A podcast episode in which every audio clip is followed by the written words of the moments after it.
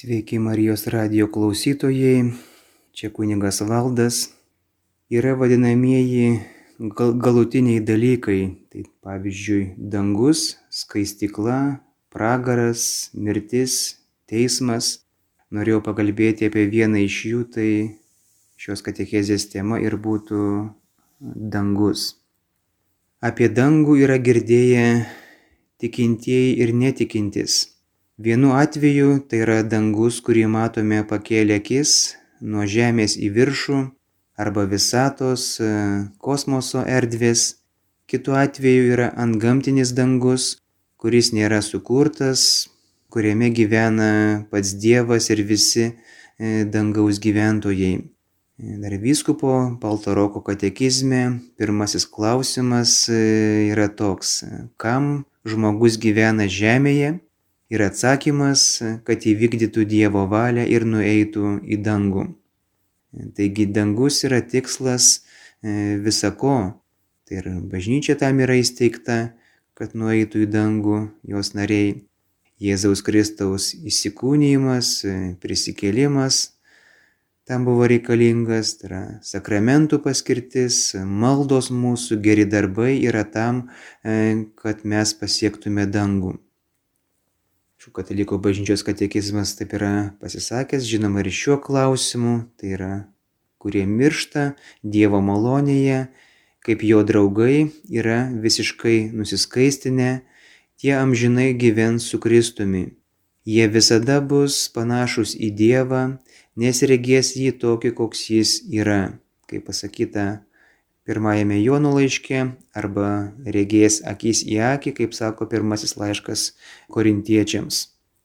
Ir popiežius yra pasisakęs, tai savo apaštaliniu autoritetu apibrėžiame, kad bendru Dievo sprendimu visų šventųjų ir kitų mirusių tikinčiųjų, priemusių šventai krikštą, sielos, kurioms po mirties nebereikia nusiskaistinti, o jei reikėjo ar reikės, tai po mirties nusiskaistinusios, dar iki susijungiant joms su savo kūnais ir iki paskutinio teismo, po mūsų išganytojo Jėzaus Kristaus įžengimo į dangų buvo, yra ir bus danguje, priimtos į dangaus karalystę bei dangišką įrojų su Kristumi, draugės su šventaisiais angelais po viešpaties Jėzaus Kristaus kančios ir mirties jos tiesiogiai, netarpininkaujant jokiam kūriniui, veidas į veidą regėjo ir regi Dievo esmę.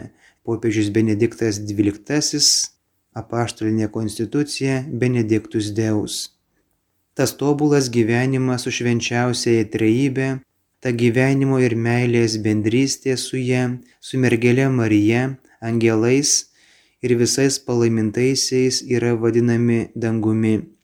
Dangus yra žmogaus galutinis tikslas, jo giliausių lūkesčių išsipildymas, aukščiausios ir galutinės laimės būsena. Gyventi danguje reiškia būti su Kristumi, išrinktieji jame gyvena, bet išlaiko, tiksliau sakant, suranda savo tikrąjį tapatumą, savo tikrąjį vardą. Nes gyventi reiškia būti su Kristumi, kur Kristus ten ir gyvenimas, ten viešpatavimas, sako šventasis Ambraziejus. Savo mirtimi ir prisikėlimu Kristus mums atvėrė dangų. Palaimintųjų gyvenimo savastimi tampa visi Kristaus pelnyti atpirkimo vaisiai, o jis priima į savo dangišką išaukštinimą žmonės, kurie buvo jį įtikėję ir liko ištikimi jo valiai. Dangus yra palaiminga bendrėje visų tobulai su juo susivienijusių. Šis palaimingos bendrystės su Dievu ir visais Kristuje esančiais slėpinys pranoksta bet kokį supratimą ir įsivaizdavimą. Šventasis raštas mums kalba apie tai įvaizdžiais - gyvenimas, šviesa, ramybė, vestuvių pokylis, karalystės vynas, tėvo namai, dangiškoji Jeruzalė, rojus. E, ko akis neregėjo, ko ausis negirdėjo, kas žmogui į mintį netėjo, tai paruošė Dievas tiems, kurie jį myli, kaip sako taip pat ir laiškas korintiečiams. Dėl savo transcendencijos Dievas gali būti regimas toks, koks jis yra tik tada, kai jis pats atveria savo įslėpinį tiesioginiam žmogaus regėjimui ir suteikia tokį sugebėjimą. Šį Dievo regėjimą jo dangiškoje šlovėje bažnyčia vadina palaiminguoju regėjimu. Dangaus gyventojai nesiliauja mūsų užtarti pas tėvą, aukodami nuopelnus, kuriuos įgyjo žemėje. Jie broliškai rūpinasi mumis. Mes galime drąsiai kreiptis į savo brolius ir seseris danguje. Bendravimas su jais mus ne tik moko, bet ir suartina su Kristumi. Savo maldomis mes galime ir turime užtarti mirusiuosius, kad jie būtų išvaduoti iš nuodėmių. Mes visi būdami Dievo vaikai ir sudarydami vieną šeimą Kristuje, panašiai kalbama laiškė žydams, tarpusavio meilę ir drauge pačiu švenčiausiosios trejybės garbinimu, bendraudami tarpusavyje, atitinkame giliausiai bažnyčios pašaukimą ir dalyvaujame galutinės garbės liturgijoje, iš ankstoje gerėdamėsi, iš konstitucijos Lumen Gentium. Dangaus garbėje palaimintieji toliau su džiaugsmu vykdo Dievo valią kitų žmonių ir visos kūrinijos atžvilgių. Jie jau viešpatauja su Kristumi, su juo jie viešpataus per amžių amžius, kaip tvirtina apreiškimas Jonui. Kardinolas Džonas Henris Newmanas savo pamokslę apie šventumą taip pat yra nemažai kalbėjęs apie dangų. Kaip sako laiškas žydams, siekite šventumo, be kurio niekas neregės viešpaties. Tai, kad čia eilute šventai dvasiai pasirodė tinkama keliais žodžiais perteikti svarbiausią religijos tiesą, mums palieka gilų įspūdį. Tiesa vienokia ar kitokia forma skelbiama visame šventajame rašte, bet čia eilute mums dar kartą primenama, kad nuodėmingas būtybės padaryti šventas buvo pagrindinis mūsų viešpaties tikslas, dėl kurio jis ir prisėmė mūsų prigimti. Tik šventi paskutinėje dieną bus priimti jam tarnauti. Visa išganimo istorija, gailestingumo sandora, liudyja šventumo būtinybę išganimui. Ta patvirtina ir mūsų prigimta sąžinė, ką istorijoje buvo galima tik numanyti, kas buvo pateikiama kaip pamokymas, šioje eilutėje suformuojama doktriniškai, kaip svarbus ir neišvengiamas faktas, glūdintis pačioje tikrovės prigimtyje, nepakeičiamas ir baimę keliantis įstatymas kartu tai ir paslaptingas dieviškosios valios sprendimas. Galima tik tuščiai spėlioti, kokiomis veiklomis amžinajame gyvenime Dievo akivaizdoje užsiims geri žmonės. Iškart galime atmesti mintį, kad šalis, kurios nei akis regėjo, nei ausis girdėjo, kuri žmogui į mintį netėjo, apims begalinę įvairovę užsiemimų ar siekių. Mums aiškiai pasakyta, kad būsimasis gyvenimas bus Dievo akivaizdoje ta prasme, kuri nepritaikoma mūsų šiapusiniam gyvenimui. Tai turbūt geriausia būtų apibūdinti kaip nesibaigianti ir nepertraukiama amžinojo tėvo, sunaus ir dvasios šlovinimą. Todėl jie stovi priešais Dievo sostą ir tarnauja jam dieną naktį jo šventykloje o sėdintysis sostė išskleis ant jų padangtę. Avinėlis, kuris stovi priešai sostą, juos ganys ir vedžios prie gyvybės vandens šaltinių, kaip sako apreiškimas Jonui. Be to, miestui apšviesti nereikia nei saulės, nei mėnulio, nes jie apšviečia tviskanti Dievo šlovė ir jo žiburys yra avinėlis. Tautos vaikščios jo šviesoje ir žemės karaliai atsineš į jį savo puošnumą. Taip pat iš apreiškimo Jonui. Rojus nepanašus į pasaulį, jis panašesnis į bažnyčią. Viešo garbinimo vietoje negirdimos jokios šio pasaulio kalbos. Nekalbama apie kėslus sustiprinti pasaulietiškus interesus ar plėsti įtaką. Ir nors šie dalykai gali būti daromi teisingai, jei neleidžiame jiems pasiglemšti mūsų širdies, kartoju, sako kardinolas, mes apie juos bažnyčioje nieko negirdime. Joje girdime vien tik apie Dievą. Mes jį šloviname, jam gėdame, jam dėkojame, jam išpažįstame savo nuodėmes, jam atiduodame save ir prašome jo palaiminimo. Bažnyčia todėl ir panaši į dangų, nes abiejose vietose svarbių svarbiausias yra Dievas. Dievas negali keisti savo prigimties, jis visada bus šventas, o kol jis šventas, danguje laiminga negalės būti jokia nešventa siela. Šiaudas ugnyje supleška, bet geležis išlieka. Ugnis liautųsi buvusi ugnimi, jei joje šiaudas nedegtų. Tad pats dangus būtų ugnis tiems, kurie norėtų ištrūkti iš pragaro kančių. Lozoriaus pirštas tik dar labiau padidintų jų troškulį, kaip panašiai yra kalbėję, kalb, pasakyta Evangelijoje pagal Luką. Dangus suprantamas kaip aukščiausios ir galutinės laimės būvis, mirštantis Dievo malonėje ir nereikalingi tolesnio išskaistinimo, surenkami aplink Jėzų ir Mariją, angelus ir šventuosius. Šitaip jie sudaro dangaus bažnyčią, joje regi Dievą akis į akį, gyvena meilės bendrystėje su švenčiausiai trejybė ir užtariamus. Esmiškasis ir tikrasis gyvenimas yra tėvas visiems mums per savo sūnų šventojoje dvasioje, tartum iš versmės, liejantis dangiškųjų dovanų. Dėl jo palankumo mums žmonėms tvirtai pažadėtos amžinojo gyvenimo dieviškosios gerybės. Yra kalbėjęs šventasis Kirilas Jeruzalietis. Apaštalų tikėjimo simbolis liudyja, kad Dievas yra dangaus ir žemės kuriejas, o Nikėjos Konstantinopolio tikėjimo simbolis paaiškina regimosios ir neregimosios visatos kuriejas. Šventojo rašto žodžiai dangus ir žemė reiškia, visa, kas egzistuoja, yra kūrinyje. Jais taip pat nurodomas kūrinyjoje glūdintis ryšys, kuris vienu metu ir jungia ir skiria dangų ir žemę. Žemė yra žmonių pasaulis.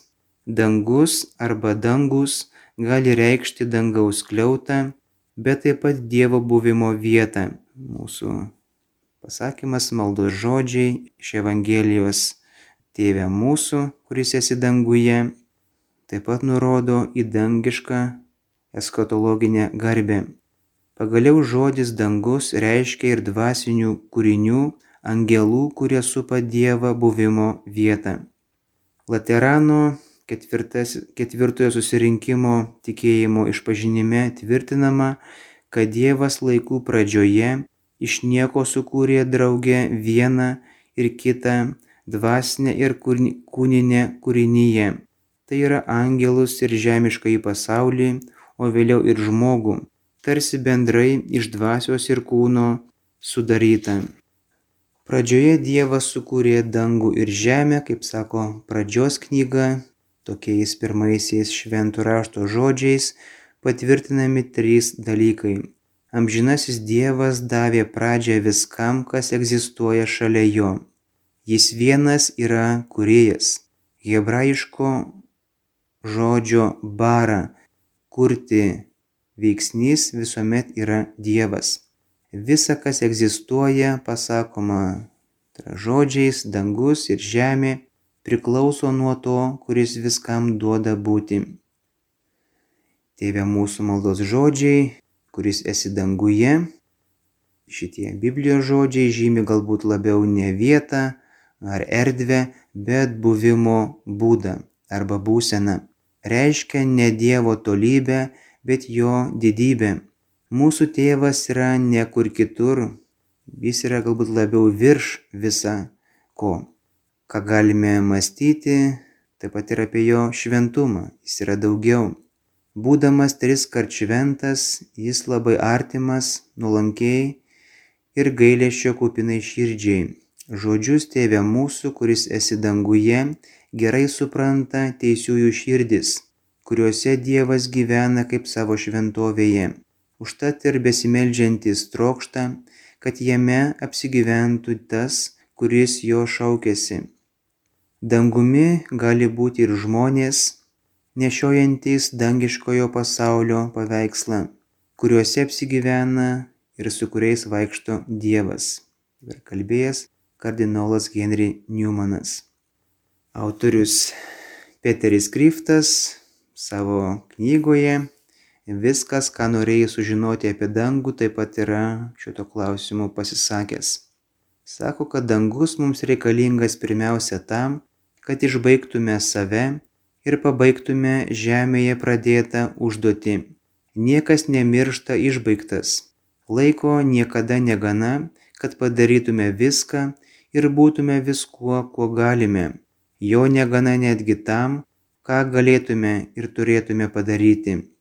Mūsų gyvenime neišbaigti visi trys esminiai santykiai su savimi, su kitais ir su Dievu. Atrodo, kad juos reikia pateikti būtent tokia tvarka, nes pirmiausia privalome pažinti save, kad žinotume, kas yra tas, kuris pažįsta kitus. Tik po atperkamojo mūsų nuostatų apvalymo esame pakankamai brandus, kad suprastume kitus privalome išmokti mylėti žmogiškąjį atvaizdą savyje ir kituose ir tik tada galėsime mylėti dieviškąjį jų modelį. Kas nemyli brolio, kurį mato, negali mylėti Dievo, kurio nemato, kaip yra kalbėjęs apaštalas Jonas. Tačiau pirmosios užduoties negalime įvykdyti be antrosios. Tik bendraudami su kitais galime iš tiesų mylėti save nes tik bendraudami su kitais tampame savimi, tai yra mylinčiaisiais. Taip pat nei pirmos, nei antros užduoties negalime įvykdyti be trečiosios, nes tik Dieve, kuris saugo mūsų tapatybių pasaulį, paslapti, galime pažinti save ir kitus. Šventųjų bendravimas apsaugomas nuo migloto filantropinio palankumo ir tampa toks įdomus, kokia įdomi žmonių meilė ir jų bendravimas žemėje. Pažintys su žmonėmis vienaip ar kitaip yra vienintelis dalykas, kuris yra neišsemiamas tiek čia, tiek ten. Galiausiai mąstymas apie Dievą nėra nuobodus, nes jį masto subrandintos sielos. Ši branda viską pakeičia taip, kad mąstymas tampa toks skirtingas, tarsi lygintume mirštantį į šventąjį ir naujagimį kūdikį. Palaimintasis regėjimas taip pat nėra nuobodus, nes yra dinamiškas, o nestatiškas. Tai Dievo tyrinėjimas, o nespoksojimas į Dievą. Tai begalinė pradžia, o ne tiesiog pabaiga. Dangus yra daugiau nei rytiečio mistiko asmeninės ekstazės ieškojimų išsipildymas. Galbūt būtent todėl Dievas nėra suplanavęs, kad daugelis mūsų taptų tokiais mystikais. Žemėje jis mums suteikė bendruomeniškų pašaukimų šeimose, mokykloje, parapijose, kad parengtų mus dangui. Dangiškas išlovinimas, tai ir tikrasis misticizmas, šventajame rašte visada aprašomas esant pagrįstą meilę bendruomenišką, o ne asmeninį. Tačiau dangaus bendruomenė, ne taip kaip žemiškoji, nėra kolektyvistinė. Ji yra meilė, o meilė vienyje individualizuodama, o individualybę suteikia vienydama. Kurią akimirką įsimylėjėliai tobuliausiai pasireiškia kaip individai, jei ne tada, kai yra labiausiai ištirpę vienas kitame. Atsisakoma savęs, tačiau kas atsisako savęs, tas save atras sako autorius Peteris Kryftas. Taip pat būtų iš dogminės konstitucijos apie bažnyčią Lumen Gentium. Tai dangiškoji bažnyčia ir žemiškoji bažnyčia. Kai viešpats ateis savo didybėje, o su juo ir visi angelai, kaip sako Evangelija pagal Matą, sunaikinus mirtį, visa bus jam pajungta. Ir sakoma laiškė korintiečiams, o kol tai neįvyko, vieni jo mokinių keliauja žemėje, kiti yra baigę šį gyvenimą ir skaisinami, o treti džiaugiasi garbe, regėdami patį Dievą, triesmenį ir vieną, aiškiai tokį, koks jis yra. Tačiau visi nors skirtingų laipsnių ir būdų esame tos pačios Dievo bei artimo meilės dalininkai ir gėdame tą pačią garbės giesmę savo Dievui, juk visi, kurie yra Kristaus, turėdami jo dvasę, suauga į vieną bažnyčią ir jame susiję vienas su kitu, kaip panašiai yra kalbama laiške Efeziečiams. Taigi keliaujančiųjų vienybė su broliais, kurie užmygo Kristaus ramybėje, jokių būdų nenutrūksta. Bet kaip bažnyčia visuomet tikėjo, net sustiprėja, dalyjantis dvasinėmis gerybėmis. Juk dangaus gyventojai glaudžiai vienydamiesi su Kristumi tvirčiau stiprina visos bažnyčios šventumą, kilnina jos kultą, kuriuo į žemėje garbina Dievą ir įvairiopai padeda jai plėtotis. Priimtieji į tėvynę ir esantieji pas viešpatį, per jį su juo ir jame nesiliauja tėvą už mus meldę, aukodami nuopelnus, kurių įgyjo žemėje, padedami vieno Dievo ir žmonių tarpininko Kristaus Jėzaus. Visame kame tarnaudami viešpačiui ir savo kūnę papildydami trūkstamas Kristaus kančias dėl jo kūno, tai yra bažnyčios, kaip yra kalbama laiške kolosiečiams. Šitaip jų broliškas rūpinimasis daug padeda mums silpniesiems. Ypač pripažindama santyki tarp žemiškosios bei dangiškosios bažnyčios, taip pat apie mistinio Kristaus kūno bendravimą, keliaujančioji bažnyčia nuo pat pirmųjų krikščionybės amžių giliai pamaldžiai gerbė mirusiųjų atminimą. Ir kadangi šventa ir išganinga mintis melstis už mirusius, kad jie būtų išvaduoti iš nuodėmių, kaip yra rašoma antrojoje Makabėjų knygoje, stengiasi jiems padėti. Bažnyčia visuomet tikėjo, kad Kristaus apaštalai ir kankiniai savo pralietų krauju įvykdė aukščiausią tikėjimo ir meilės liudijimą yra itin glaudžiai sujungti su mumis Kristuje. Su ypatingu jautrumu juos gerbė draugė su palaimintąja mergelė Marija bei šventaisiais angelais ir meldė jų užtarimo bei pagalbos. Prieš jų ji netrukus priskyrė kitus, artimai sekusius Kristaus skaistumu ir neturtu.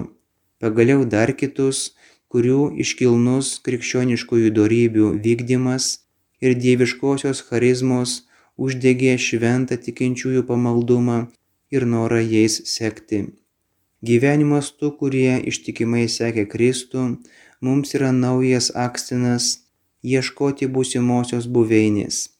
Ir draugė nurodo saugiausią kelią, kuriuo kiekvienas pagal savo padėtį ir sąlygas nepaisydami šio pasaulio nepastovumų, galime pasiekti tobulą vienybę su Kristumi arba šventumą. Gyvenimas tų, kurie būdami mūsų žmogiškumo bendrininkai, buvo tobuliau perkeisti pagal Kristaus atvaizdą, Dievas gyvai atskleidžia savo artumą ir veidą. Per juos Jis pats mums kalba ir duoda mums ženklą savo karalystės, į kurią apsupti tokio liudytojų debesies ir regėdami tokį Evangelijos tiesos patvirtinimą esame galingai traukiami. Tačiau dangaus gyventojų atminimą gerbėme ne vien dėl jų pavyzdžio, bet dar labiau dėl to, kad jiems reiškiama broliška meilė stiprintų dvasioje visos bažnyčios vienybę. Mat kaip krikščioniškas žemės keleivių bendravimas mus labiau suartina su Kristumi, taip artimas ryšys su šventaisiais mus su juo sujungia. Iš jo, kaip versmės ir galvos, trykšta kiekviena malonė ir pačios Dievo tautos gyvybė. Tad mums dera didžiai mylėti šios Jėzaus Kristaus draugus ir paveldėjimo dalininkus, kurie drauge yra mūsų broliai ir iškilus geradariai, dėkodami už juos Dievui ir nuolankiai į juos kreiptis, šaukiantis jų maldų, paramos bei pagalbos, kai norime išprašyti Dievo malonių per jo Sūnų Jėzų Kristų mūsų viešpati, vienatinį atpirkėją ir išganytoją.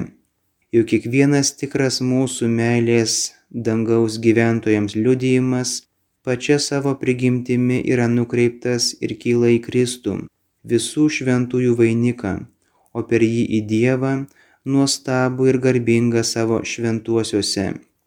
Mūsų vienybė su dangaus bažnyčia kilniausių būdų įgyvendinama, kuomet ypač per šventąją liturgiją, kurioje sakramentų ženklais mus veikia šventoji dvasia, bendrai džiaugdamiesi švenčiame dieviškosios didybės šlovę ir visi Kristaus krauju atpirkti iš kiekvienos genties, kalbos, tautos ir giminės, kaip sako apreiškimas Jonui, bus suburti į vieną bažnyčią.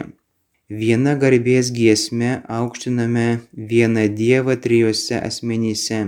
Taigi, aukodami Eucharistinę auką, mes glaudžiausių būdų įsijungiame į dangaus bažnyčios kultą, su ją bendraudami ir pagarbiai minėdami pirmiausia šlovingąją mergelę Mariją, taip pat šventąjį Juozapą, palaimintuosius apaštalus, kankinius ir visus šventuosius.